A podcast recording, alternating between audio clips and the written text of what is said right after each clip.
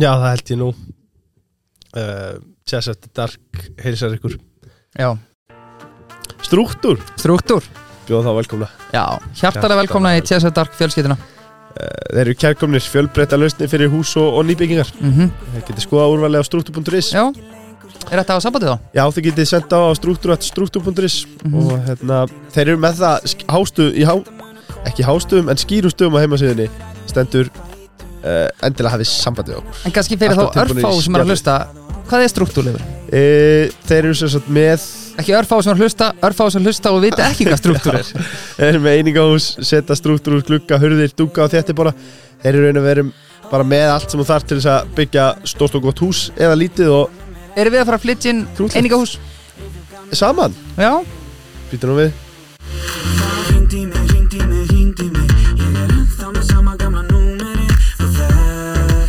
Já, ringdi mig. Hvað er þetta leið okkur í? Ringdi mig.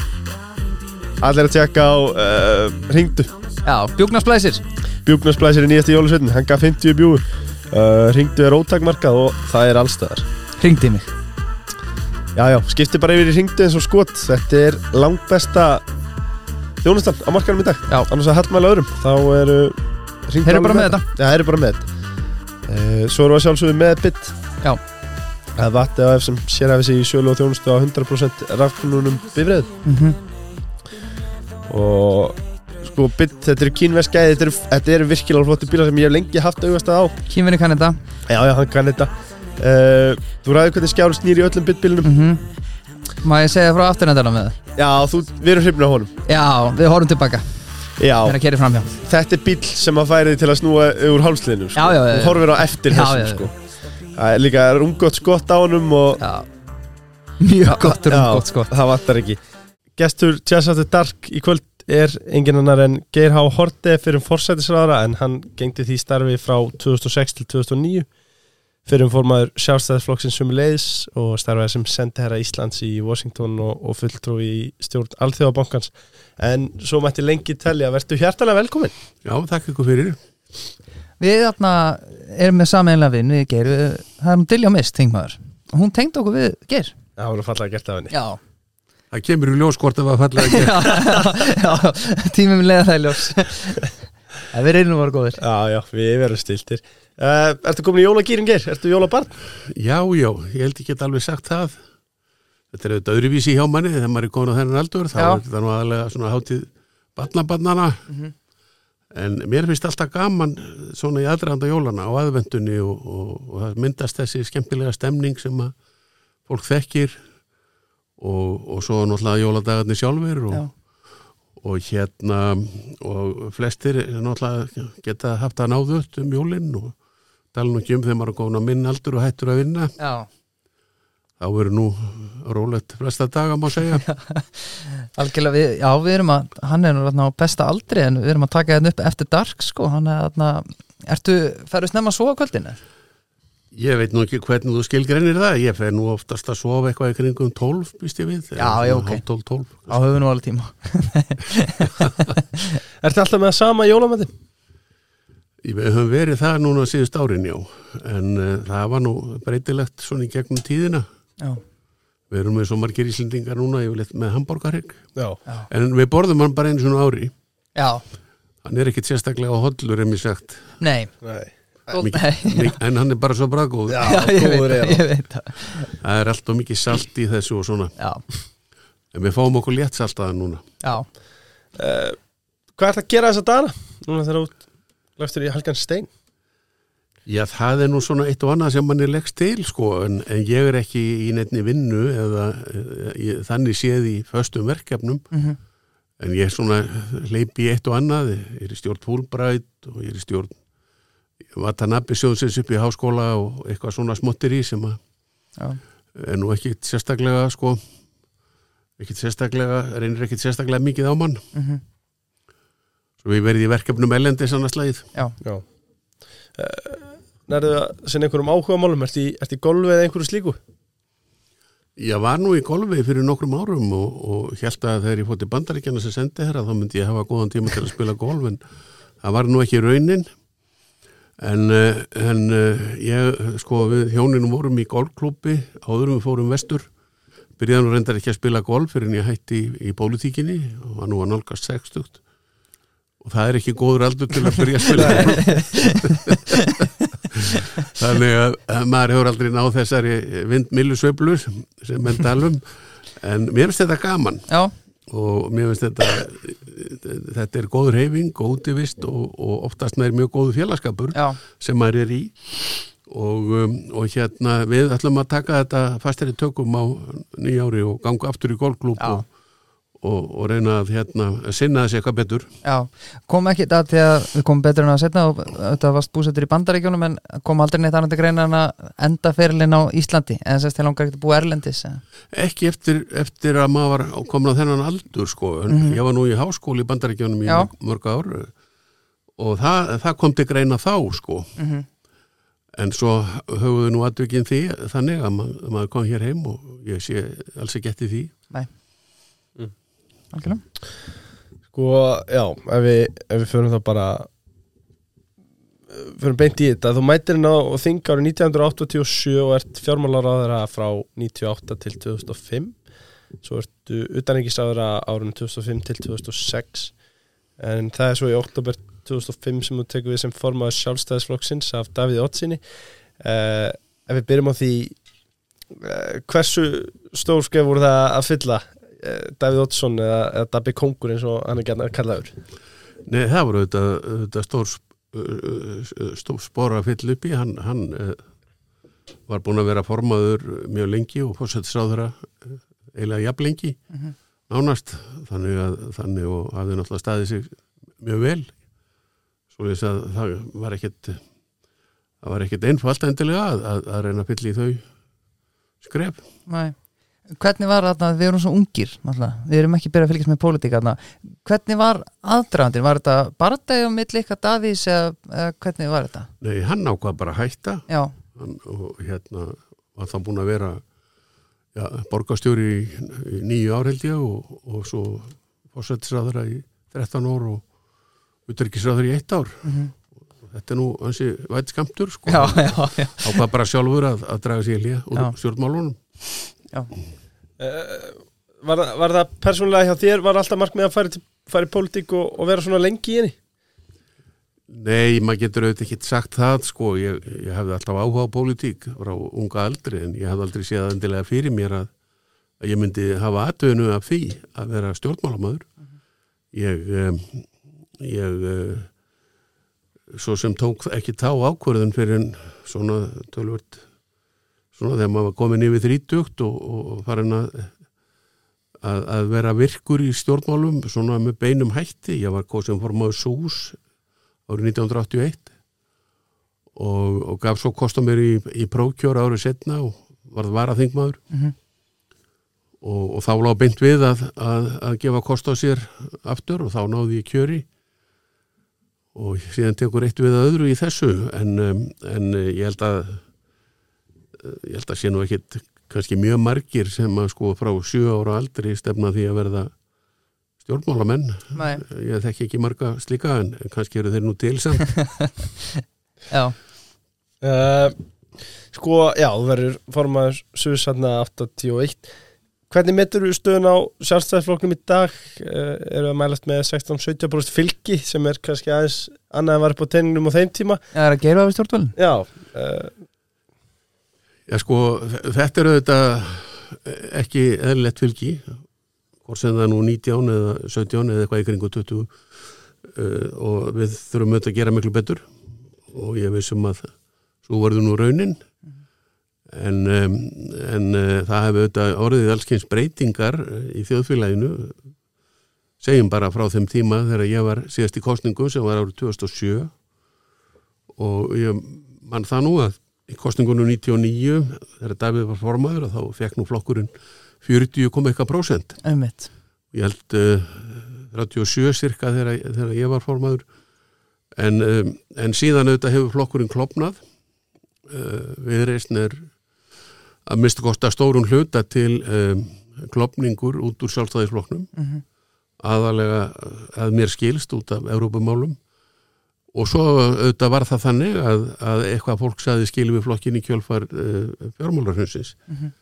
en mikið af því skilaði sér nú fljótt tilbaka og í skoðanakonunum til dæmis árunnu 2011 þá, þá var flokkurinn stöðut með 36-7% þegar að stjórn Jóhannu og Stengrins var við völd Mhm. en, um, en auðvitað eru við aðstæðunar núna uh, mörguleiti óvenjulegar þessi þryggja flokka stjórn þar sem að, þar sem að um, vinstri grænir er í fórustu og, og svo framsókn og svo sjálfstæðarflokkurinn þetta er, þetta er ekki það sem fólk á að venjast og uh, við sjáum það að vinstri grænir eru nú samkvæmt konunum alveg við það að þurkast út Mhm. af þingi Já. þannig að það eru nú fleiri sem ekki auka verjast og og, uh, og ég uh, ef ég manni þessar tölur rétt úr þessum konunum að þá er nú bara sem sagt, samfélkingin langa efst og síðan sjálfstæðarflokkurinn allir aðrir eru fyrir neðan 10% Einmitt. og þetta er ekkit uh, svo mynd sem að til dæmis við áttum að venjast þegar að uh, ég var að byrja að fylgjast með eða alveg fram á þar til fyrir já, segjum 2007 Já, við getum ekki alveg sagt það að ef að það er kosið á morgun og þetta er niðurstaðan að, að þá er ekkit mikið í spilunum annað en að endur taka leikin og fá sjálfstæðarflokk og samfélkingunum saman sko, sem er kannski ekki heldur eitthvað sem að venjast. Nei, nei, ég, ég veit það ekki ég, ég, það er svo margt sem spilar inn í þetta fleira heldur en bara útreikningurinn, sko, þetta er ekki bara samlagning á þingsætum Mhm. eða, eða reikningur það er, það er svo margt fleira sem spilar inn í þetta auðvitað málefni fyrst og fremst. Já, um hvað geta menn náð saman um hvað geta flokkar og, og stjórnmálafóringjar náð saman svo skiptir þetta líka máli og við höfum séð það í núverendi stjórn að það skiptir máli hvernig, hvernig andrúsloftið er á milli fólks. Mhm. svo gullu kemja og sagt er á önsku að það sé góð kemja á milli einstaklinga að þá, þá gengur þetta auðvitað miklu betur ef fólk næru vel saman persónulega. Já, Það hefur náttúrulega mikið verið milli tanna fólki að kemian í núverandi ríkistjórn sé kannski ekki alveg nógu góð og jafnvel já, uh, anda kvölda milli á tímabili og einhvern veginn hefur orðan verið þannig að ef það væri ekki fyrir öll þessi áföll þá væri þessi ríkistjórn sannlega bara já, ekki leikur til. Já, mér hefur nú skilist þvert á móti að það sé mjög gott andrúsloft á milli fórustumanna flokkana, það skiptir Já. mestu máli sko. það er kannski frekar Formanna þingflokkarnir kannski þá Já, já, þetta eru þetta ólíki flokkar og, og það er ekkit eh, skrítið að það taki tíma til dæmis að nutta málum í gegnum þingflokkana frá hennum ímsur áþörum, það eru mismöndi sjónum það þarf að semja um þessa hluti Mhm. og, og það hefur alltaf þurft í samstefnstjórnum en það er alltaf flokknara þegar það eru fleiri en tveir flokkar Mhm. sem þurfa að ná saman, sérstaklega ef að menn eru með mjög ólík sjónamið Mhm. eins og hafa verið uppi til dæmis í orkumálum. Uh, hérna á síðari árum uh, og núna í setjum tíð. Og, og í fleiri málaflokkum uh, útendingamál til dæmis og að einhverju leiti til dæmis í helbriðismálum Já. og svo framvegist auðvitað það er þessna sem fólk er í mismunandi flokkum. Það hefur mismunandi sjónamið og mismunandi áherslur. Mhm. og, uh, og þegar það þarf að, semja við aðra, já þá reynir á, á hvað menn eru tilbúnir að slaka, slaka á og, og slaka til og, og hérna miðla málum. Já, þetta er kannski góð punktur að gera það sem kannski heldur stjórnir einmitt kannski á lífi er þetta tröst á milli þessar að þryggja þarna fórstu manna Já, ég hef lesið að, að það hafi gengið mjög vel. Ég hef nú ekki spurt að því sérstaklega. Nei, en ma manni skilst það að það gangi vel. Já, Uh, það er náttúrulega það er í mörg hotn að líta og ég var bara aðeins að velta fyrir mér sko að þeim maður hefur heyrt að orkan sé bara nánast fullnýtt eins og er og við þurftum kannski mögulega að virkja meira um, það hefur verið mikið um útlendingamál Já. eða sem sagt, það er mikið að innflytjum komika og flóttamönnum að flóttamönnum öllu heldur Mhm. og, og svo erum við að sjálfsögðu með uh, mikla verðbólgu hvað hvað myndir þú setja í forgang núna að gera ef, að, ef að þú verður að leiða flokkin aftur? Nei, það er auðvitað líkil atriði að, að, að þið nefnaðislegi grunnur sé í góðulegi og þar skiptir verðbólgan auðvitað höfu máli. Og þegar ég var alast upp að þá var nú árlega verðbólga sko alltaf 10% að mista kosti og svo áratugina frá 1970 til 90 þá var hún markvallt meiri. Og það var alveg hörmulegt að, að upplifa þá tíma og, og hérna og fólk er að kvart undan vöxtunum í dag en það, það mun ekki hvernig þetta var á þeim tíma. Nei, vaksta aukar og, og, um, og náttúrulega verðtryggingin sem kom árið 1979 af yllri nöðsin vegna þess að það var alltaf allur sparnaður að þurkast upp og lífur í söðunir að, að glata sínu fjö frá gamla hólkinu og svo framvegis. Þannig að þannig að það er líkilatriði að ná tökum á verðbólgunni þá lækka vextinnir og, uh, og, og þá er hægt að halda áfram að byggja upp til dæmis í orkumálu sem er algjör lífsnöðsinn fyrir okkur. Bæði vegna þess að, að til að halda uppi öflugu atvinnulífi og geta uh, geta uh, sem sagt uh, stækkað og eld hagkerfið okkar og náðu upp hagvexti en líka vegna orkuskiptana já, sem eru svo mjög uh, uh, á döfinni núna að uh, það verður ekki hægt að skipta út raf, hérna, uh, hefbundnu eldsneiti á faratæki eða, eða, eða skip og flugvilar nema það sé framleitt meira ramagn. Ég held að þetta blasi við og liggi bara í augum uppi.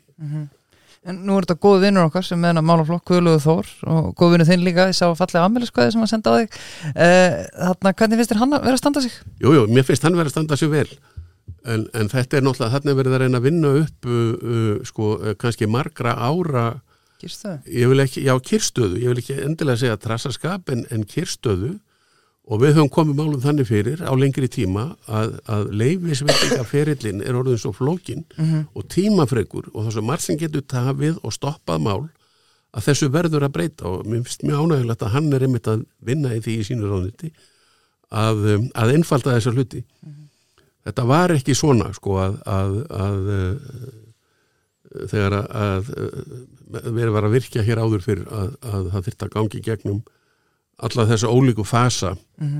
Ég er ekki að gera lítið úr því að umhverfismat og allt slíkt er Já, mikilvægt og að, að, að sveitastjórnir og aðrir kom, hafa eðlilega ákomu að, að hlutunum. En, um, en allir þessi frestir allir þessi kærumöguleikar og þetta þetta er ekki gott og ég man nú eftir deilónum sem sem voru hér um álverið í Strömsvík og Búrfellsvirkjun. Það var um allt aðra hluti sko, það var ekki, voru ekki svona tafir í sambandi við framkvæmdir á þeim tíma. Að hverju snurðu deilunar þar ef að Já, það var nú mest deilt um það og þetta voru mjög harðar pólitíska deilur og deilur á alþingi. Snýrust mest um það hvort það ætti að leifa ellenda fjárfestingu í landinu. Emmitt og uh, vinstri flokkarnir þá sérstaklega alþjóðbandalagi en líka framsvonarflokkurinn sem þá var í stjórnarastöðu börðust alveg hatranlega gegn þessu og þetta er nú fyrsta málþófið sem ég mann eftir á alþingi. Það var út af þessu máli og menn voru mjög orljótir og, og tóku stórt upp í sig út af þessu sérstaklega alþjóðbandalasmenninir sem voru nú uh, miklu leiti forverar Vafki flokksins sem við þekkjum núna en, en, uh, en já, það var eiginlega stóra málið og, en þarna hjekk á spýtunni að með þessum samningi um byggingu alversins í Strömsvík skapaðist grundvöldur fyrir fyrstu stórvirkjunin á Íslandi sem er Búrfellsvirkjun. Og uh, ég nú það gamall að ég man eftir því sem krakki að, að þegar var mikið álaga á ramaskerfinu þá, þá, þá þurfti að skamta ramagnið eða það bara fóra sjálfu sér. Já, og ég man eftir því heim og mér vestur í bæði þar sem ég bjó þar voru alltaf kerti á vísum stað upp í skáp til þess að geta kveikt á þeim ef að rafmagnir skildi fara. Og það mér að segja fórðastundum á aðfangadag já, og við svona óþægileg tækifæri. En eftir að búrfesverkjum komst í gagnið þó að megnið af orkunni þaðan færi í álverið þá fór restinn inn á henni almenna markað. Þá kurfu þessi leiðindi sem fylgdu ramasleysi og ramaskömmtun já Emmitt Ekki verið að lenda aftur í þessu. Við munum nú geti þessu strók Já, mér ávar ekki þetta. Uh, sko, já, við vorum nú aðeins búin að tala um þetta 16-17% fylgi sem að flokkurinn er með í dag sem er þetta Ansi lágt og svo myndist á okkur Þór er að ég má til með að spyrja uh, þurfum við mögulega nýjan formann til að fyrsta ég, ég er ánaði með, með Bjarna að flestu leiti og ég tel að hann beri af eh, stjórnmálamannum á Íslandi uh, í, í, í, að flestu leiti en, en, uh, en hann er búin að vera lengi og það er engin eilífur í svona starfi. Nei, nei, og, en þetta er hlutur sem að hann fyrst og næst verður að gera upp við sig. Mhm. hvenar það er tímabært og hvenar er heppilegt að, að, að standa upp. Mm Já, En er samt, nú það ekki gerir þetta miljónsunum betur en við, en er það samt sniðut að segjum að þetta sé, hann er formað flokks segjum þetta eins og verið stjórnandi fyrirtæki er hann bestur til ákveða hvenar hans tími er komin? Já, sko, hann er ekki með, með neina stjórn yfir sér eins og Nei, nei. fórstjórar í fyrirtæki með stjórnin sem hann er með yfir sér er landsmöndu sjálfstæðarflóksins Já, og kjósendur bara. Og svo eru það auðvitað kjósendur sem að ákveða hvort að hvað flokkurinn fær mikið fylgi og, og, og, og þar með óbeint hvernig hann, hvort hann lendir í ríkistjórni eða ekki. En hvernig finnst þér rökin hjá uh, sjálfstæðarflokknum almennt vera að, að það er mitt vitna í að þegar að þú og Daví voru og þá voru 40% tæplega 40% að núna er séu svo margi flokkar á þingi og þetta sé bara ekki hægt lengur? Já, það er auðvitað erfiðara og það, þetta landslægur breytt að fíleiti líka til viðbót og það sem ég nefndi áðan að flokkunum hefur fjölgað heil mikið. Lengst af þegar ég byrjaði að fylgjast með þá voru fjóru flokkar yfirleitt en stundum fimm. Svo eruðu þeir eh, einu sinni sex, 1983 minni mig. En voru lengst af sem sagt fimm og núna eru þeir átta. Já, og, og uh, ég er ekkert vissum að það sé heppilegt eða það skilur sér í einhverju betra starfi á alþingi. Þvert á móti, ég held að það sé uh, óheppilegt já, að vera með marga litla flokka er við að vinna saman? já, já, það getur verið það og, og, og þá, að- eftir því sem fleiri uh, fleiri eru sem þarf að semja við þá, þá náttúrulega verður máli floknara verða máli floknari Já, mm. Nú varstu auðvitað sendera í Washington í, í mörg ár uh, þar sem að flokkarnir eru tveir sem eru færri flokkar en tölvöld flækjust í engar síður uh, Hvernig horfa komandi fórsetakostningar í, í bandarækjunum við? Við þér? Já, þetta er nú ansi uh, flókin spurning þó að hún, hún virki einföld.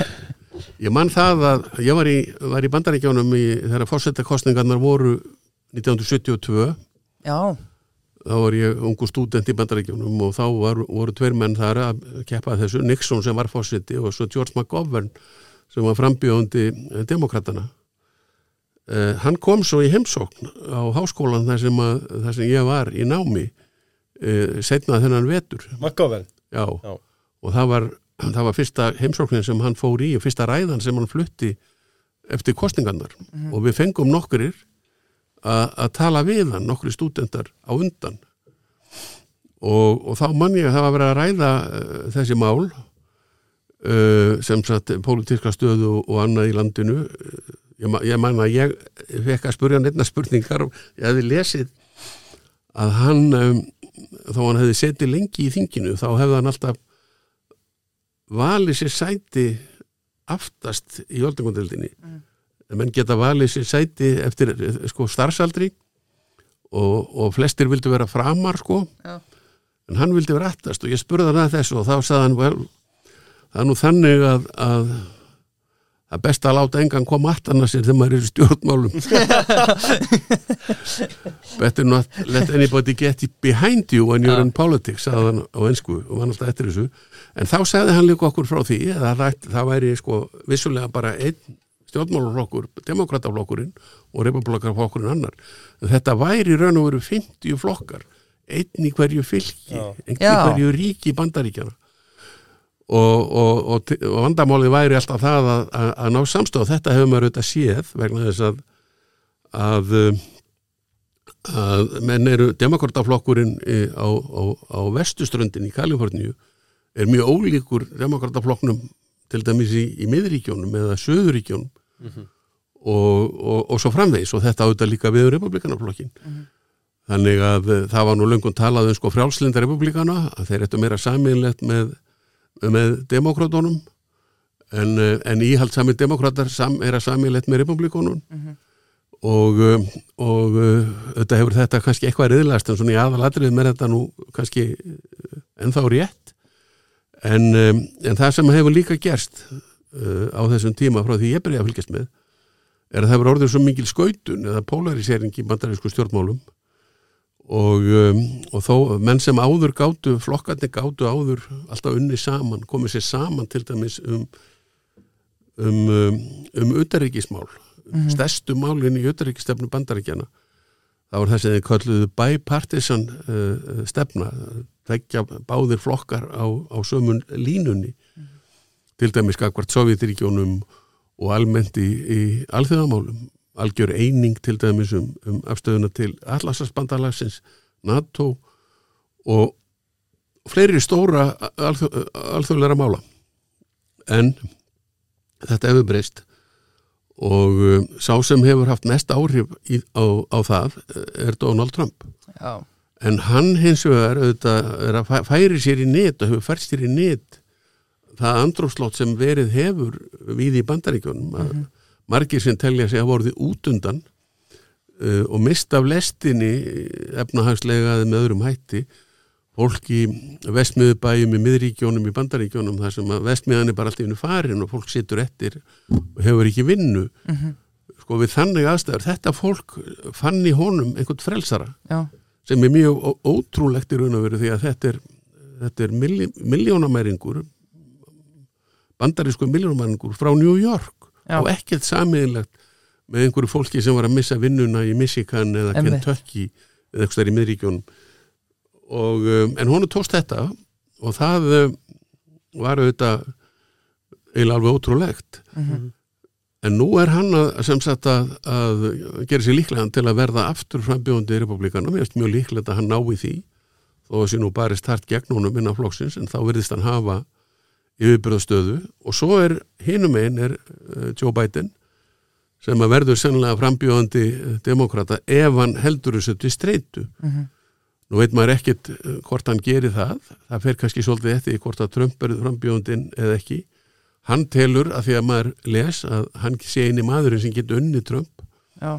í demokrataflokknum, ég lef mér að efast um það. Hann hefur gert það áður. Hann hefur gert það áður en hann er orðin fullorðin og Já, þeir, já. eru, þeir eru það náttúrulega báðir Hann er orðin líka dóldi bara svona smá kalkaður sko. Já, ég veit það nú ekki en, Nei, ok. en hann er með pínulítið málstól Já, sem hann hefur haft frá unga aldri Já, hefur hann alltaf haft mér er þetta sagt málstað? það Já, ok, ok. og, og svo hef, er hann líka uh, með eitthvað uh, fóta fótaburðar já, galla sem að hann hefur líka haft frá því að hann fekk lömunaveiki eða eitthvað álíka sem ok í æsku Já. þannig að, að ég nefni þetta nú að því að menn taka þetta sem svona engjan á því að hans í orðin elliðar það búið að klippa til alls konar klippur hann á veraldaverfur Já. ég held að hann sé ekki orðin elliðar en ég er ekki viss um að hann sé, það sé heppilegt að hann bjóði sér fram aftur. Nei, en um, eins og staðin er núna þá, þá verðist eh, sem sagt Trump eh, með við kannanir núna þá verðist Trump hafi yfirhöndina í einvigi þeirra tveggja. Mhm.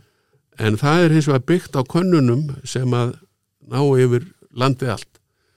Og þær eru bara ekki það sem máli skiptur því Nei. þá komum við aftur að því sem ég sagði á þann þetta eru 50 ríki. Já, og það eru kjörmennir fyrir hvert ríki sem skipta máli. Ef þú vinnur í einu ríki þá færðu alla kjörmennina þaðan. Mhm.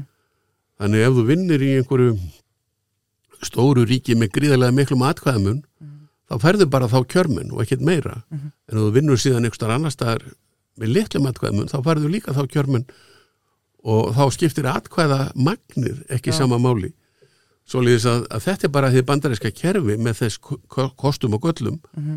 og sem allt byggir á því að þetta er náttúrulega uh, sambandsríki Já. þar sem uppalega var alltaf verið að reyna að taka tillit til einstakra ríkja Mhm. og, og, og mörg deilumál í bandaríkjánum snúa að því hver er réttur einstakra ríkja mhm. Þetta er líka þannig að, að ég man að ég var að reyna að fylgjast með þessu þegar Trump vann Hillary. Var ekki hann, var ekki Jú, Hillary? jú, Jú, já, og þarna mér fannst það svo flóki kerfi samanborið við veist, þegar maður fylgjast með íslensku kostningunum það er eitthvað, jú, það er eitthvað jöfnunarsætti og eitthvað svona en þetta Nei, er svo, það er engin jöfnusendi nei, ég er að tala um Íslandi. Já, já, en samanborið við bandaríkjunum þá ég náði ekki einu sinni haustum í kringum hvernig það virkaði sko. Nei, nei, maður þarf auðvitað kannski að hafa séð það uh, svona uh, úr, í nálægð en, en það er náttúrulega svo sem uh, þessar reglur eru frekar svona skýrar en, en það eru ríkin einstökur ríki og, eins, og flokkandir einstökur ríkjum sem að, sem að ráða hverjir eru uh, semst frambjöðundir í fyrsta lagi. Mhm. og, og þá hvernig, hvernig uh, sem sagt baráttunu um að komast í frambóð lyktar og það gerist á landsfundum fl- flokkstingunum sem að ég hef nú sótt þessi flokksting já, og mjög, mjög frólægt 2016 uh, hjá báðum flokkum uh, þá sem sendi herra. Og, um, og en síðan eru það sem sagt í kostningunum sjálfum þá er þetta spurningin um það hver fær flesta kjörmenn? Og, og uh, semst, það sem kallaði electoral votes og, og, og ríkin hafa mismörg mismarga kjörmenn eftir stærð, eftir fjölmenni en það er samt þannig að þetta er ekki 100% sko uh, einn maður eitt atkvæði og, og þess vegna má segja að þetta er ekki 100% líðræðislegt í þeim skilningi, ekki Já. frekar en uh, kjördamaskipanin okkar Einmitt. en, um, en uh, þetta, já já, þetta er að þessu leiti flókið, Hillary fekk meiri hluta atkvæða Einmitt. en minni hluta kjörmanna og það hefur gerst nokkur sinnum að, að það hafi uh, þetta að venda þannig en, um, en þá gildir tala kjörmanna og síðan er það er það uh, lögjafaþingin í hverju fylki sko hvert einasta fylki er með sitt lögjafaþing og, og sín ríkistjóra og sína domstóla og, og mér er sér sitt eigið herlið National Guard sem að ríkistjórin ræður yfir. Og, og um, uh, síðan er sagt, uh, eru kjörmennir staðfestir í hverju fylki og síðan er haldin kjörmanna samkoma þar sem að uh, í, yfirleitt í desember í Washington þar sem allir kjörmennir koma og staðfesta um, niðurstöðurnar fyrir hönd síns fylkis og síðan, síðan er það þannig að, að bandaríkja þing sko leggur hérna endalugu blessun sín yfir þetta. Og það var það sem var að gerast 7. janúar uh, 2021 þegar að ólætin eru þessum mestu óverðiðnar í, í, í í þinghúsið. Já, og, og, þá vildi Trump sem sagt meina að hann geti fengið þessu breytt með því að Mike Pence varapósti sem hefur bara þarna einu formlegu hlutverki að gegna að tilkynna um minn endalega úslit að hann hefði bara sagt nei þetta er vitleisa og ég ætla ekki að taka marka á þessu já, sem hefði verið alveg fráleitt. Og, og Mike Pence auðvitað sá það og síðan hefur slitnað upp á vinskapnum já, einmitt, já. Já, Þeir voru góði vinnur, ekki? Já, þeir voru, þeir voru svona samherjar í því að þeir voru meðframbjöðundur. Þeir þekktust nú ekki mikið áður. Nei, og, það er oft hannig að, að menn lenda saman í einhverju samstarfi, pólitísku samstarfi og, og þekkjast ekki mikið og, og eru kannski ekkit mikið í samstarfi á ettir. nei, Og þannig er það núna með þá því að Mike Pence bjóð sig, bauð sig fram í republikanflottum núna í þessum, einmitt í þessum forkostningum en hefur núna hætt við það vegna þess að hann hafði svo lítið fylgi Mhm. og hefur ekkert fengið nema skít og skömm og leiðindi frá, frá Trump sko. Já, hann að en þú ert hrættur um það ef að Joe Biden býður sér aftur fram að Trump takja hann Já, mér finnst það, mér finnst það ekki, ekki falleg tilhúsun sko, ekki Nei. góð tilhúsun. Ég, ég hef hitt þess að minn báðarindar mm en ég tel að, að, að það væri mjög, mjög óheppilegt og, og, og jafnvel skadilegt ef að Trump kemist aftur til valda. Hvað heldur að sé að það mig að Trump myndi taka við á morgunni hann, hann er búin að tala um hann ætlar að draga úr fjárframlegum við bæði Úkrænu og, og uh, Ísrael held ég og fleira er eitthvað meira sem hann er búin að bóða ef hann mætir aftur Já sko, þannig við talað þannig um allarsvarsbandalagi til dæmis að, að það muni, hérna, að það má, má búast við einhverjum þar, breytingum þar mm í stuðningi við, við NATO. Ég mani til því að hann sagði fyrir kostningarna 2016 að, að, NATO væri úrelt, obs, obsolít var orðið sem hann notaði. Á flokkstinginu þarna 2016 þá fengum við tækifæri til þess að, að ræða við um sem bektar menn í flokknum við þessi sendiherrar og ég spurði eitt þeirra, Chris Christie sem var nú sjálfur í prókjörinu og er núna aftur í prókjöri endaði með því að stiðja Trump síðast en er nú að tala núna mest á mótónum að þeim öllum. Já, hann var þá ríkistjóri í New Jersey. Ég spurði hann hvað segir þú um þetta að- NATO sé úrelt og hvernig getur þú útskýrt þessu ummæli? Og þá sagði hann já, úrelt og úrelt hann myndi það nú kannski ekki akkurat svona bóstælega sko. Og þið verið aðtóa það að hann er nýr í stjórnmálum og hann kannski ekki alveg búin að tilenga sér sko eh, eh, réttu hugtökin Já. og allt þetta sko. En svo náttúrulega eh, var alveg fáránlegt hvernig hann hagaði sér á vettvangi NATO. Já, og menn vissi aldrei sko hvernig hann myndi sko hlaupa eitthvað út undan sér. Einmitt. Og þannig var það í svo mörgum öðrum málum. Já. þannig að ég myndi ég myndi telja að það væri afskaplega óhefilegt ef hann uh, næði aftur völdum.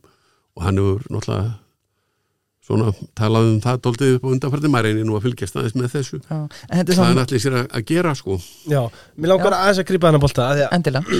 Þetta er svo áhugavert, áhugavert með, að, með að hann skuli ekki hafa til, tilenga sér réttu hugtökin. Um, að því að hann verist gera öfugt við flesta stjórnmálamenn. Í staðin fyrir að draga úr og svara loðið þá svara hann afdráttalöst og, og bara hann, hann ræðir alveg í hináttina einhvern veginn já, já, það má alveg segja þetta. En, en það er nú ekki alveg sama hvað mann láta út úr Nei, sko. nei, nei, að- algjörlega. þó þeir séu að tala beintur á hjartanu sko. Ef að það er algjör steipa Já, akkurat, algjörlega. En, bara, þú veist, þessi nálgun er, er þetta eitthvað sem að Þetta er svona góð punktur sem Geir líka kemur með skilur af, þú veist, af því að hann er, þú veist, það verður ekki tekið að Trump, hann er rosalega góður að fá fólk með sér í lið og það er náttúrulega fullt af fólki sem er að styðja hann. Og af, eins og Geir segir, af hverju er eitthvað fátækt fólk að styðja hann þegar hann er bara eitthvað mm. milljaramærkur frá New York, sko að því að hann, hann segist alltaf að, að, að er berjast gegn kerfinu gegn uh, öllum þessum aðulum sem þetta fólk kennur um sínar ófærir uh, uh, hérna ráðandi öllum the establishment sem satt kerfinu og, og, og hérna hann var nú með þetta, þetta hugtak í, í síðustu, eða kostningunum 2016 hann ætlaði að the swamp þar Já. að segja reynsa út úr kviksindinu sem væri í Washington.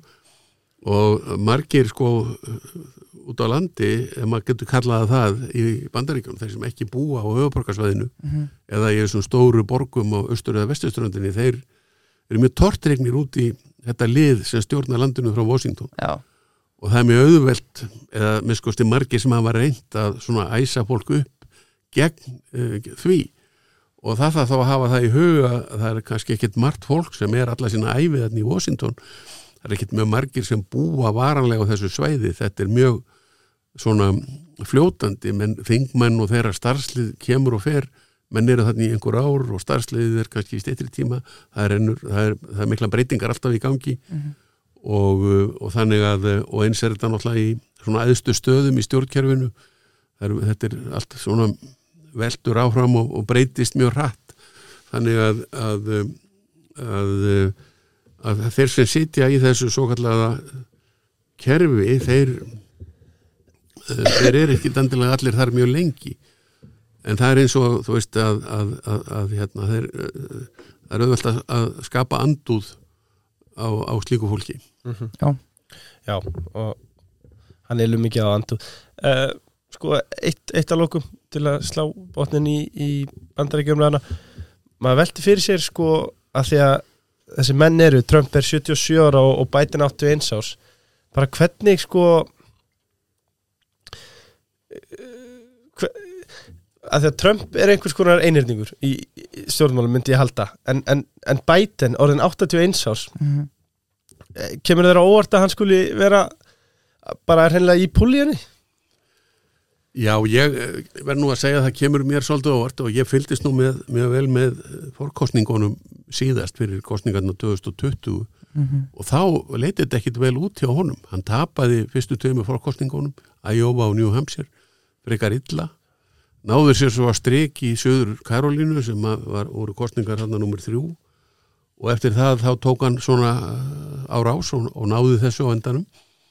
En hann er náttúrulega maður með alveg óskaplega mikla reynslu fyrir utan þessa fósitatíð, þá var hann auðvitað varafósiti átt ár. Einmitt. Og hann satt á, á þingi sem öldungadelda þingmaður frá árunum 1972.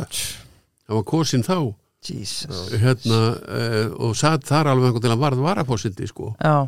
Og hann var formaður utenriksmálanemndar og hann var í mjög mörgu formaður dómsmálanemdarinnar og hafið tekið, tekið þátt í allskins uh, deilumálum og var náttúrulega þjóðþættur maður.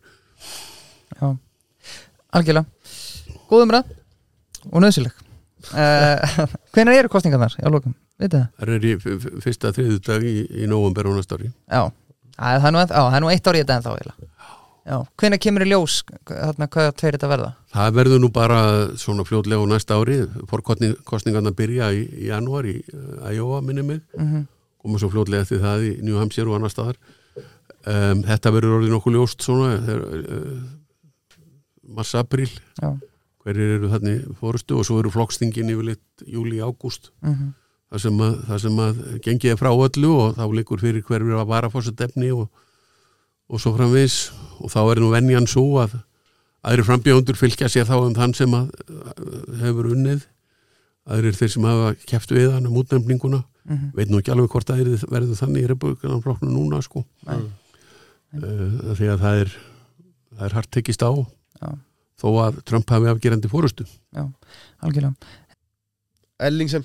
Já, uh, fyrir þá sem ætla að gefa árum út að gefur já þá er gott að líta í Ellingsen og köpa pænút í Já. jólapakkan Og Það svo gleður bara- alltaf. Já, já, svo veit ég um nokkra einn vinur minn sem er með mér í hlaðvarpi hann er dóttið sett með jólagjafna sínar Ákveður ekki bara að gefa þetta með þetta jólun nýjós Já. Gjafabrið þess fyrir þess Já, já, einmitt, hann hérna, það er mikill meistari sem maður. Já, já, Uh, en já, ég, hann, hann hefur einmitt haft auðvitað að pænút flýspessu á 10.995 já.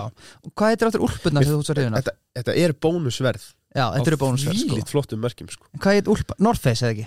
Jú, North Face. Já, er, með, er með frábær North, Vá. North Face úlpu. Ég ætla að leira þetta mig, ég sagði 15. það var 18.995 Já, eh, fyrir sko hágæða já.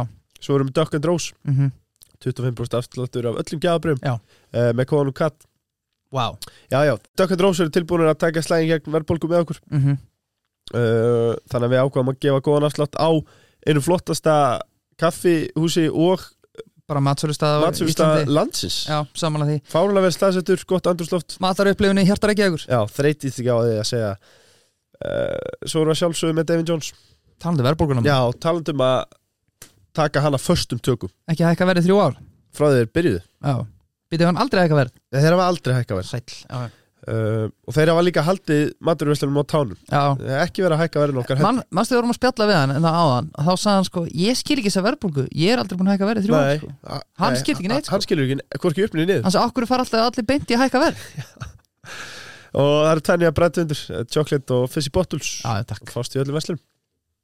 Erum við ætlum að fara í aðra umræðu og hérna ætlum aðeins að horfa í uh, baksýnispeilin og við erum með eina áhugaverða spurningu hérna Sko þú áttu þetta uh, mesta iconic moment í sögu íslenskra þjóða þegar þú enda ræðuna þinn á uh, Guð blessi Ísland Sko ég með einhver að byrja að spyrja bara Var það alltaf planið enda ræðuna á þessu eða ákastu bara að segja það? Já, sko, þa það var nú aldrei planið að flytja þessa ræðu, sko. Nei, nei, Það var nú það fyrsta. En, en það kom bara í ljós uh, við atbyrjuð þessar helgar, þarna, lögadagur og sunnudagur, fyrsti lögadagur og sunnudagur í oktober mhm, árið 2008 að um, málun höfðu þróast þannig að uh, mér fannst rétt að, að ég sem fósendur að það gerði grein, þjóðinni grein fyrir því hvað var í gangi, mhm, hvað var að fara að gerast. Og, og um það snýrist ræðan sko og það var aðal málið í ræðunni en ekki þessi loka orð. Já, en ég hafði nú satt að segja verið búin að hugsa mér að ljúka einhverju ræðu með þessum orðum já, áramóta ræðu sem ég gerði svo reyndar áramótinu og eftir en það tók engin eftir því. Eða jafnvel 17. júni ræðu ég, eh, en, en sem sagt eh, ég ákvaða að, að, nota þetta þarna, það komið þetta ymslega annað til greina.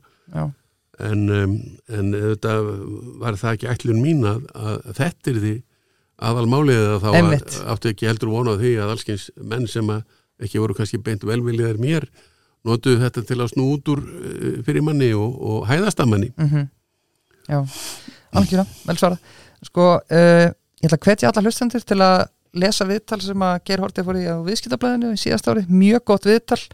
Uh, sko, og þar er uh, fyrirsögnin sko, það sem er kasta fyrir ljónin til að sefa þjóð í áfalli eins og kom fram í, eins og ég segi, mjög góð viðtali.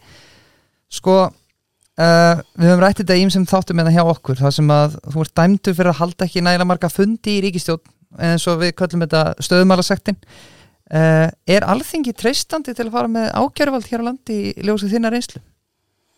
Þetta finnst mér nú vera virkilega góð spurning Uh, vegna þess að alþingi misnotaði þarna þetta ákjæruvald sitt og í stað þess að, að nota þetta til þess að upplýsa um og, og, og refsa eftir vill uh, einhverjum ráðherra sem hefði misfarið með sitt pólitíska vald þá var uh, þessu beitt til þess að koma pólitísku höggi á, á andstæðing og hans flokk má segja. Og, og þetta var auðvitað samsæri uh, þar sem að nokkrir ofstækisfullir menn hefðu uh, ná- tóku, uh, tóku völdin í, í málinu og tókst að, að fá í lið með sér uh, nógu marga aðra, svona bláeiða einstaklinga eða fóringja hotla einstaklinga sem að ákvaða að taka þátt í þessu og þá er ég að tala um þennan nauma meirihluta sem að myndaðast á alþingi e, þarna í september árið 2010 og, og þessi fyrirsögn í viðskiptablaðin, ég veit nú ekki alveg hvort að hún er alveg rétt vegna þess að þjóðin var ekki lengur í áfalli í september 2010 Nei, þetta er það löngu eftir banka, þetta er tveimur árum á eftir, eftir bankarunni sko. og, um, og uh, það var ótalmart í í ferðinni í þessu sem var fyrir neðan allar hellur Mhm. um, rannsóknand alþingis skilar skýslu í apríl og það má margt um hann að segja og ýmislegt ymsa gaggrinni hefur hún fengið og ég gæti alveg bætt við það en það er ekki aðalatriði núna í sambandi við þessa diskussjón okkar Mhm. heldur hitt að um, alþingi ákveður að, að stopna sérstakar nefnd þingmanna sem að um, sem átt að fara yfir þessa skýslu og reyna að meta hvort að það væri tilefni til þess að höfða sakamál, því landstofsmál eru sakamál, á hendur einhverjum einstaklingum. Í rannsóknar nefnda skýslinu höfðu þrýr á þeirra verið fundnir sem sagt, eh, það hefðu verið eh, talið að þrýr á þeirra hefðu gert segir um vanrækslu. Mhm. Eh, Þessi nefnd, eh, hún ákveður að taka upp þau atriði en, um, en bæta við fjórðaráþuranum sem var Ingeborg Solon sem hefði ekkert verið sökuð um vanrækslu í þessari skýslu. Einmitt. En það sem hún gerir ekki þessi nefnd, hún, hún rannsakar ekki máli. Hún kallar ekki til þá einstaklinga sem hún allar að ákæra og spyr, eru þið sekir um þetta gott fólk? Eru þið sekir um þetta þeirra menn? Eða þið ráðherrar hér, er, viljið ekki svara þessum ásökunum? Þetta er alltaf gert í sakamálum. Þegar lögreglan handtekur menn og yfirheyrir fyrir einföld, saka, einföld afbrot, þá eru þau spurðir.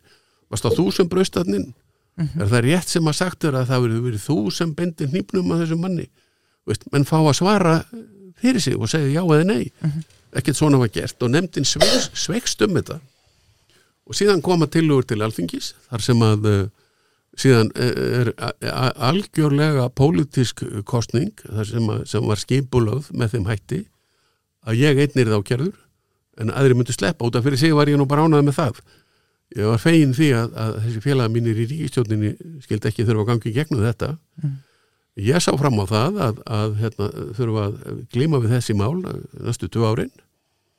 Og, um, og með að við kröfunar sem voru gerðar í málinu þá var gerð krafum að ég myndi greiða sakarkostnaðinn og ég sá fram á það og við hjónin að, að við getum þurft að gjör breyta okkar högum til að geta staðið undir þeim kostnaði sem þessu máli fylgdi. En sem betur fyrir þá var nú stopnað félag stöðnismanna minna sem að tók að sér að sjá um því að hlaði málsins og endanum var ríkið dæmt til að greiða málskostnaðin en þó aðeins þann hluta sem að var í samræmi við gjaldskrá ríkisins en það sem umfram var sem voru 20 miljónir uh, uh, borgaði þetta félag sem að stóð fyrir hafi, hafi sapnað þeim peningum. Já. málskostnaðinum var 45 miljónir Það er ekkit spáraði En ég ætla að bæta við þetta strákar að, að þarna að sko þið sögðu, já, dæmdur fyrir þetta atriði sem þú nefndir þarna, sambandi við ríkistjónafundina en um, þetta var uh, dómur án refsingar. Og sumir hafa miskilið það og sagt, já, hann fekk skilvarsbundin dóm. Hann fekk engan dóm fekk engan refsingu. Nei. og það er auðvitað líkil atriðið og svo staðreind að mér var dæmdur sá málskostnaður allur sem að heimilt var að dæma uh, sannar það auðvitað líka. Að þetta var í raun og verið engin sakvelling Já. ég skal segja einhver hvað þetta var þetta var bein sem var hent í þennan meiri hluta alþingis sem stóð á bakvið þessa málsöðun til þess að fríða þann hóp og svo að þeir getur sagt, já sjáu þið bara það var þarna einn sakvelling Mhm. uh, þó að hinnu hefðu hinnum ákjæruleðunum sem, sem voru fimm aðrir, þeim var ímist vísa frá eða ég var síknaður að þeim og svo má nú geta þess að einn af þessum ákjæruleðum var nú svo fáránlegur að hann var beininlis gegn hagsmunum Ísland því að ég var sakaður um að hafa ekki beitt mér fyrir því að æsef reikningarnir flyttust úr útibú í dótturfélag á landsbankonum í London Já. þar með var verið að segja að það væru hagsmunir Íslands að gera það og ég hefði reynda reynda að beita mér fyrir því því að það var óvisa um þetta en með því að halda þessu fram fyrir dómi þá var verið að segja það og hvað var þetta? Þetta voru röksendur upp í hendurnar á breytum í Já. málaferlunum sem síðar voru. Og breski málflutningsmaðurinn mun hafa minnst á þetta, hann hefur kannski ekki átt að segja á því í raun og veru hvað var verið að gera með þessu atriði. Þannig að sýnir, sýnir, sést, sýnir bara hvað menn fóru offæri hugsuðu ekki út í það hvað þið voru að gera þegar að fólk var að eh, sá þarna færi á að, að geta komið myndalegu höggi á fyrirhandi forman sjálfstæðarflokksins og, og, og gamlan anstæðing sem þó var endar hættur í stjórnmálum. Já, Sko, í Danmörku þar er, er fyrirmyndin að þessu landstofkerfi þar er reglan, það er nú tvö tildulega nýnef mál sem hafa farið fyrir danska ríkisreitin sem er okkar landsdómur. Mhm. uh, og í bæði skiptin þá voru til atriði til rannsóknar sem að þingnemnd og saksóknarar sem unnu með þingnefndinni fóru í gegnum. Og uh, þar var sagt við tökum engin vafa atriði hér til ákjæra fyrir. Við tökum bara það sem er algjörlega pottþjátt lögbrot. Já, og, og það var gert, það voru einni, eitt eða tvö atriði. En þá fegst líka alvöru sakfelling mhm. fyrir það. Og refsing. Já, já, mönnum og, og, og, og um, Erik Ninn Hansen hann reyndar fekk hjartáfæll í, í, í, með að máli gekk stóði yfir og ég mann nú ekki hvort hann fór í fangelsin, hann var dæmdur í, í nokkura mánuða fangelsi og fyrir nokkrum árum, ég held 2021 bara 20 eða 21, þá var kona nafni Inger Stauberg sem var ráð þeirra í Danmarku farið þau þennan domstól og, og hún var líka dæmd Mhm. vegna þess að þessi einstaklingar tveir höfðu visvítandi brotið lögin þau, þau vissu hver, hvernig lögin hljóðuðu en sögðum við sína embættismenn og aðra sem voru að reyna að vara þau við ég tel að þetta sé ekki rétt sem stendur í lögunum. Ég vil ekki fara eftir þessu, ég ætla að hafa þetta öðruvísi. Og þetta er náttúrulega ekki leifilegt þetta er lögbrot. Mhm. þess vegna er þetta fólk dæmt. En svo er hann að mála Inger Stauberg eh, sem að segði sig svo úr eða var rekin, hún var rekin af þingi atkvæði, það var atkvæði greiðsli danska þinginum það að hún er þyrft að fara af þingi. Hún bauð sér fram í næstu þingkostningum sem var bara í fyrra og, eh, og náði stórglæsluðum árangri stofnaði nýjan flokk og sittur hún aftur á danska þinginu. Já, þannig að stuttasvarið er nei eða ekki? Verð, að, hvort sé, alltingi sé treystandi? Nei, Já, sko, já, ég tel að þetta sé ekki eðlilegt uh, fyrirkomlag eins eins og við erum með þetta. En uh, auðvitað eru til þannig brot að, sem bara sko ráþeirar geta framið uh, í trösti eða, eða í skjóli uh, sin, síns vald sem ráþeirar en ég held að það sé alveg óvægt að treysta almennum dómstólum og almennu, almenna réttarkerfinu fyrir því að, að, að, að, að, að sækja menn til saka fyrir slíkt. Mhm. það þurfi ekki svona sér dómstól eins og þennan. Og tala nú ekki um þegar að reynslan og honum er þessi sem við höfum hér sem var auðvitað, þetta, var, þetta mál var allt eitt skandal klárlega. Uh, þú talar um einmitt að það, þú nefndur hérna lokast 2010 sko telur þú að Ísland hafi náð sér eftir hrunnið og þá erum við kannski ekki að tala um efnaðaslega heldur hvort þið séum ennþá að glíma við vantröst á stjórnmál, stopnanir fjármálakerfið, svo framvegis. Núna, já, nei ég, ég held kannski að það sé nú ekki sko, ég held að fólk sé nú alveg komið, komið yfir það. Það, það, það veit allir að það þurfa einhverjur að stjórna landin það þurfa að vera hér stjórnmálalokkar og mm stjórnkerfi og, og um, uh, það, það myndaðist þarna ákveði vantröstum tíma Mhm. sem var ekkit óveðilegt Nei. og það var ákveðin reyði og það var ákveðin, uh, ákveðin mikil vombriði með hvernig þetta fór allt saman Mhm. megin skýringin sem var rannsókn nefnt alþingi skap á því var ekki það hvernig stjórnmálamenn höfðu hagað sér heldur hvernig bankamennir höfðu hagað sér jú, jú. og, og hvað bankarnir höfðu verið glannalegir í sínum sínum, uh, sínum ákvörðunum og, og áhættu sækni og, uh, og það er náttúrulega búið að bregðast við því með margskonar ástofunum hérna í gagvart þeim. Já, algjörlega. Uh, Nokkra stöðarspurningar uh, sem að Herma Guðmundsson sendi inn Já. kemi, Vinnur okkar góðu vinnur okkar mikill sjálfstæðismæður líka. Mm. uh, hann spyr hérna, var einhver alvöru umræða um vanda bankana fyrir lok vorþingsins 2008 ef nei, af hverju ekki? Já, uh, er hann að meina þá í, í, á alþingi eða?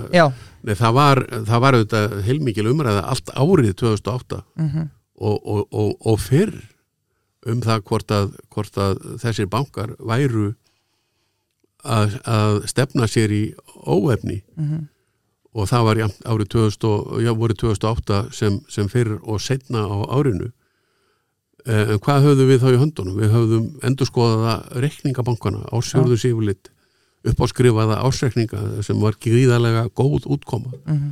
Við höfðum álagspróf frá fjármálettilitinu sem að bentu til þess að, bankarnir getur staðið af sér alvarleg, sko, al- alvarlegt álag Mhm. Og við höfðum uh, matskíslur frá hinnum alþjóðlegu matsfyrirtækjum Mhm. sem gáfu þessum bönkum mjög háar og tröstar engunir það var uh, sko það var uh, öll þessi ytri engin og ytri lýsingar voru hagstæður en auðvitað var margt annað sem að, sem að uh, gætt bent til þess að, að það veri hægt á ferðum og, og uh, þó að menn áttuðu sér ekki á því eða gerðu sér ekki grein fyrir því hvernig það myndi gerast sko 15. september þá fer Lehmann-bankin í bandaríkjunum á hausinn Mhm. hann er látið bara á hausinn, honum er ekki bjargað Mhm. eins og öðrum hafi verið bjargað fyrir árinu og, og bæði bönkum og tryggingafélagi stóru AIG en uh, það sem þá gerðist í kjölfarið var það að uh, alþjóðlega lánamarkaði frusu það var ekki hægt að reyfa sig það var ekki hægt að, fá lán neinstaðar eða, eða það var bótt frósið og þessu þetta bitnaði mjög illa á, á íslenska bankakerfunu, ekki síst á Íslandsbanka Mhm. sem var þarna með stóra afborgunum meðan oktober og hefði gert þar ástafanir til að geta, geta stæði í skilum en, en, en lendi í þessu uh, va- vandamáli sem þarna skapaðist þess vegna gerðist þetta svona óvænt og allt í einu og rætt Mhm. og svo voru bankarnir svo, nán, nán, nán, uh, svo tengdir innbyrðis að, að það sem gerðist hjá einum banka hafði st- strax áhrif á hina. Mhm. svo leiðis að um, þetta er nú langt svar við stöttur spurningu. Já, mjög vel svarað. Uh, Eftir fall bankakerfisins var einhver þjóð sem bauðst til að miðla málum í deilum okkar við breyta og hollendinga. Nei, það var nú ekki sko, ég reyndi að fá normenn til þess. Já, haustið 2008 Uh, þá, þá var stattur hér uh, skoskur á þeirra sem að Gordon Brown hafði sendinga til að tala uh, við mig og Össur Skarpiðunsson áttu með honum fund, hann var þá starfandi á þeirra maður, þessi maður heiti Murphy og hann var skotlandsmálar á þeirra og á sama tíma var uh, á landinu Jónas Gar Störi sem þá var á þeirra og, og uh, núna fórsetis á þeirra maður sem ég þekkti vel þá og, og gerir enn og um, ég spurði hann uh, hvort að hann myndi aðtóa það hvort að þeir getur tekið að sér einhverja, einhver, einhverja að miðla hann eitthvað málum. Og, hann, og ég orðn, kom því á fundi þessar tvekja manna. Mhm. og þeir töluðu saman. En síðan talaði hann við sinn fórsetisráðara sem er Stoltenberg og Já. Stoltenberg sagði mér að þeir myndi ekki vilja taka að sér þetta hlutverk. Og uh, um maður hugsaður um sko hinn nánu tengst Norris og Breitlands að þá kannski kom það ekki sérstaklega á óvart. Nei, en, eh, en það voru ekkit aðrir sem voru að, að, að, að bjóðast til þess. Nei. Söpvi, Subway eru við alltaf bragandi ferski þar. Já, Bæði hráefnið og starfsfólkið. Og Það er starfsfólki sem ég er svo gaman að. Já, ég er mikill hamaraborgamæður í Subway sko. Já, er það? Já, mér veist hún ans sko. Ég, ég er svolítið búin að vera að dreifa spilinu. Já, uh, Þó að ringbröð sé alltaf minn já, heimastaður go to. Já, og, og ég set náttúrulega allt eins og allt við veit Ég segi bara Já, þér fannst magnað og fengið þess mikið grammiti og vild Já, þú veist, veist bara fyndið þegar fólk segir geti fengið alltaf ferska. Já, Ég segi bara geti fengið allt. Að því að það er allt festan Já, nei, þú veist, ert með svona gúrkur og þú ert með ólífur, þú ert með alls konar gott Já. líka með, Ég saknar þetta bananpipasins já saknar hans Já. Er þetta ákall? Þetta er ákall til söpni, Já, með ég kom með hann aftur. Má ég koma með eitt. Það er að kaupa þarna svartan Doritos-boka láta starfsmannin kristan og setja hann á bátinn. Hóranlega gott miljan yfir Já, það er ekkert margir sem vita að þetta sé hægt. Nei, þetta er snilt. Uh, Annað, Mhm. hérna, hvað sósur setur á bátiðin? Ég set uh, þarna hot sauce Já. og ég veit að allir í oftasósunni sko. Já. ég set hot sauce og uh, hvað heitir hún þarna uh, Laglegt. Já.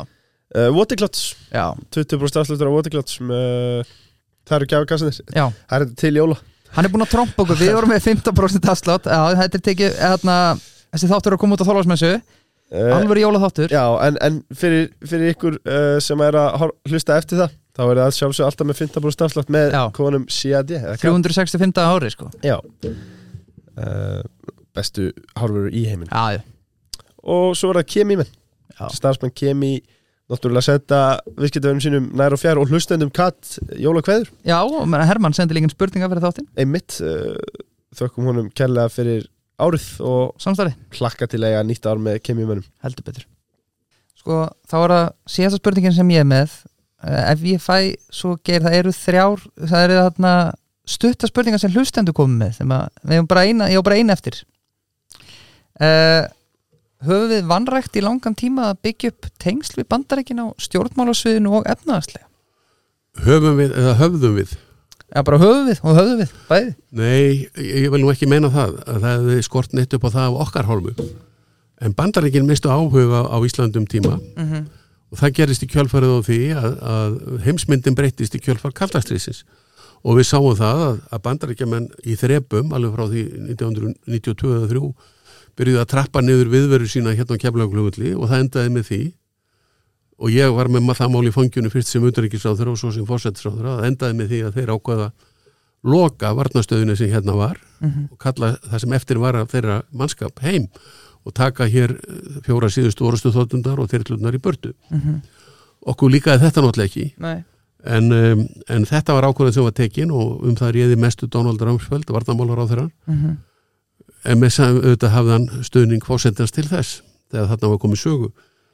En, um, en þetta var ekki vegna þess að Íslendingar hefðu vanrækt uh, tengsli við bandaríkin og við höfum auðvitað síðan var þetta þá var auðvitað reynd að uh, það sem hægt var til að sko halda uppi eðlilu og góðu samstarfi. Mhm. en maður sá það til dæmis í bankarhununu að, að bandaríkin höfðu ekki áhuga því að, að rétta okkur hjálparhund eitthvað sérstaklega þeir neituðu okkur um, um gjaldri skipta lánu sem Sælabanki sótti mjög fast Mhm.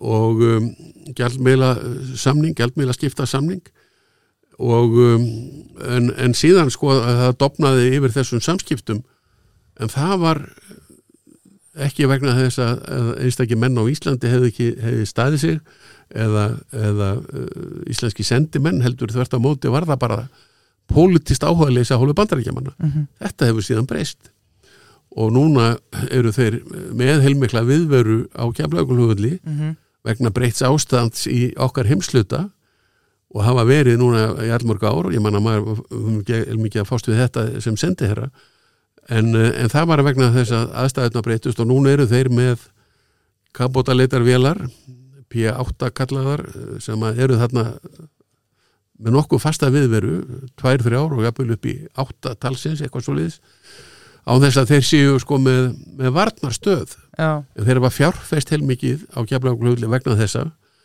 og, og lagt í sem sagt, um, uh, sem sagt mannabla, þjálfa mannabla og, og varið fjármunum í þetta. Og hver er ástæðan? Jú, það er auðvitað hvernig rússarnir hafa hagað sér. Mhm.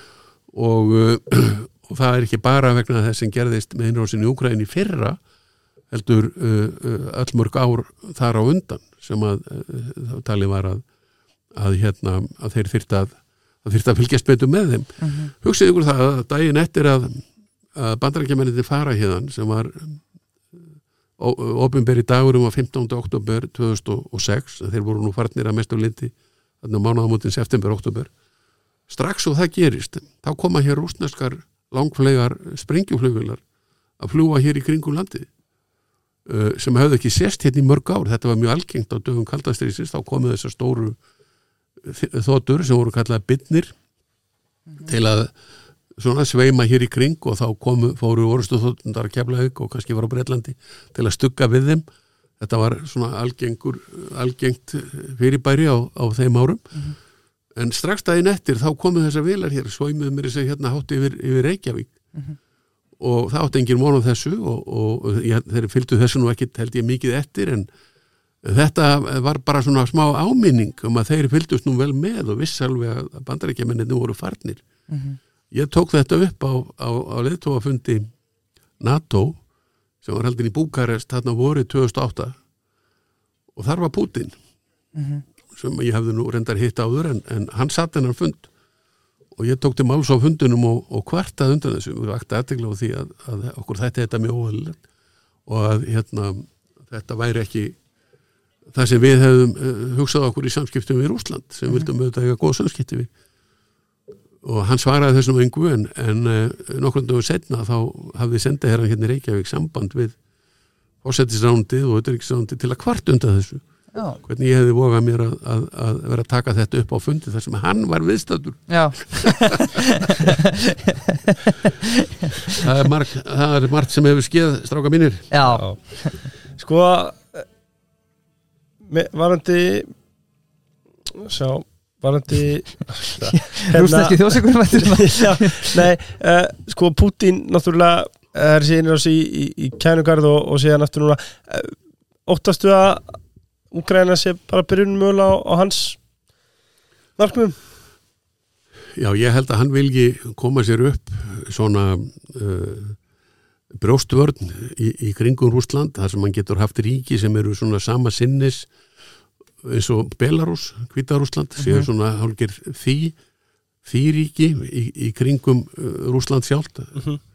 Og það sem hann kallar svona uh, nágrennið, þeir nýra brot að hann vilji hafa svona kraga í kringum sig það sem að uh, ekki hvorki NATO nýja aðrir svona aðilar sem honum er ekki þóknarlegir uh, hafi ítök. Ég heyrði finskan vinn minn uh, uh, segja það eftir innrásinni úr ágræðinu að ef að það hefði ekki ef hann hefði náð kýf og ef hann hefði náð sínum markmiðum hann held hann geti náð úgræðina bara orðfáum dögum og, og það, það átti ekki að vona á svona mikill mótspyrnu og síðan allir þessari aðstof frá öðru löndum. Að það hefði Moldóa verið næst. Já, og hún er náttúrulega bara hérna nágrannar ríki og hún var tilherði Sovjetríkjónum gömlu alveg eins og Ukraina hérna áður fyrr. Og ég held að fólk þar ráða með þar að verið lafrættir við að það kynna að gerast og það er eiga að það hugsanleifur höfði sér ef að, ef að Ukraina fellur á endanum sem að við vorum með þetta að vona að, að gerist aldrei en, en, uh, en uh, og síðan hafði þessi maður kenningar um það að, að hann hefði næst beint spjótum sínum að Eistrasaslondónum og það að þau skuli verið í NATO er náttúrulega uh, þyrnir í hans ja, fleitni í hans holdi. Og, um, og þá hefði hann reknað dæmið þannig að, að, að það væri svo fljótlegt að yfirbjóða þau að, að NATO myndi ekki koma við í neinum sko, viðbráðum uh, á svo stundum tíma og það væri flókið vegna þess að Svíþjóð og Finnland voru hlutlega slönd og hefði ekki leift sko, Nei. yfirflug eða, eða eh, neina aðstof við, uh, aðgerir NATO-ríkjana. Nú er þetta allt breytt og ég er alveg viss um að þetta er eina af ástafunum fyrir því að, að, að Svíþjóð eða Finnland gekk, komst inn í bandalagið og Svíjarnir eru þar á, á þar þröskuldunum og eru náttúrulega byrjaðir í hernaðarsamstarfi eins og ef þeir væru í bandalaginu og er búin að gera varnarsamlingu bandaríkin og hvaðina og, og hérna, en þetta var uh, mjög aðtegli sem verið kenning hjá þessum reynda þingmanni sem að hérna fylgist mjög vel með. Og ég hugsaði að mér að þetta er kannski ekki svo vittlust sko, þetta gæti verið eitt af því sem að rússarnir og Putin voru að hugsa. Herru Búlan, Birkir, já, jólaborgarinn á er mættur. Wow uh, Já, eftir smakkan En ef hann er eitthvað í líkindi við Já, sko ég fór á búlningar en uh, skal reynda við ekki, ég fór bara í góngin sko, Já, góngatilbúðið sko. Hann er svo góður. Ég veit að Það er það er svona erfitt. að fara úr öðru Já. en ég hefði átt að gera það samt. Ég ætla að gera það á milli jólunjós Já, ég líka, ég ætla, ó, hvað er spettur á smakkan um, Tommy, ég heldur svona maður. Let him cook. Já, já, látið hann bara í friði. Já, já, lengjan, 1x2, við tippum. Wow. Þetta er What a Day to be Alive. Já, Ah, nú var þetta desember. Desember. Live Og ég held, ég held, ég sé með Sko, ég er með smá móla fyrir ykkur Já. Sem eru að hlusta. Um, Chelsea, að vinna byggarinn Já, Getið sett á það lenginni. Já, deildabækarinn Já, þetta Já. er bara í raun og veru gefins. Svo náttúrulega voru við búin að finna upp slóka fyrir þá.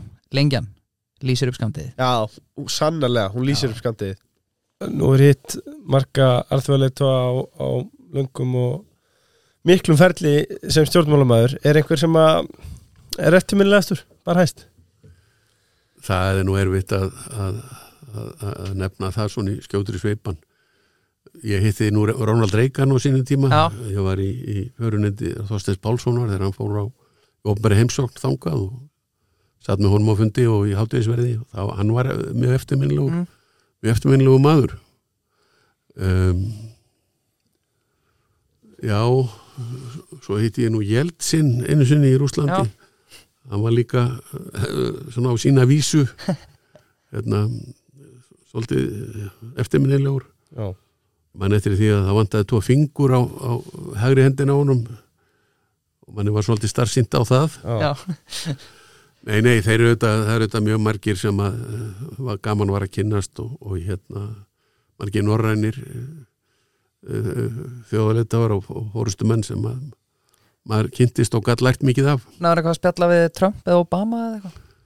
Já, ég hitti þá sko, en, en það er ekki, þetta er ekki eh, kannski alvöru samtöl sko. Nei, þeir eru ekki að taka kaldan á barnum eða eitthvað? Nei, nei, nei, nei.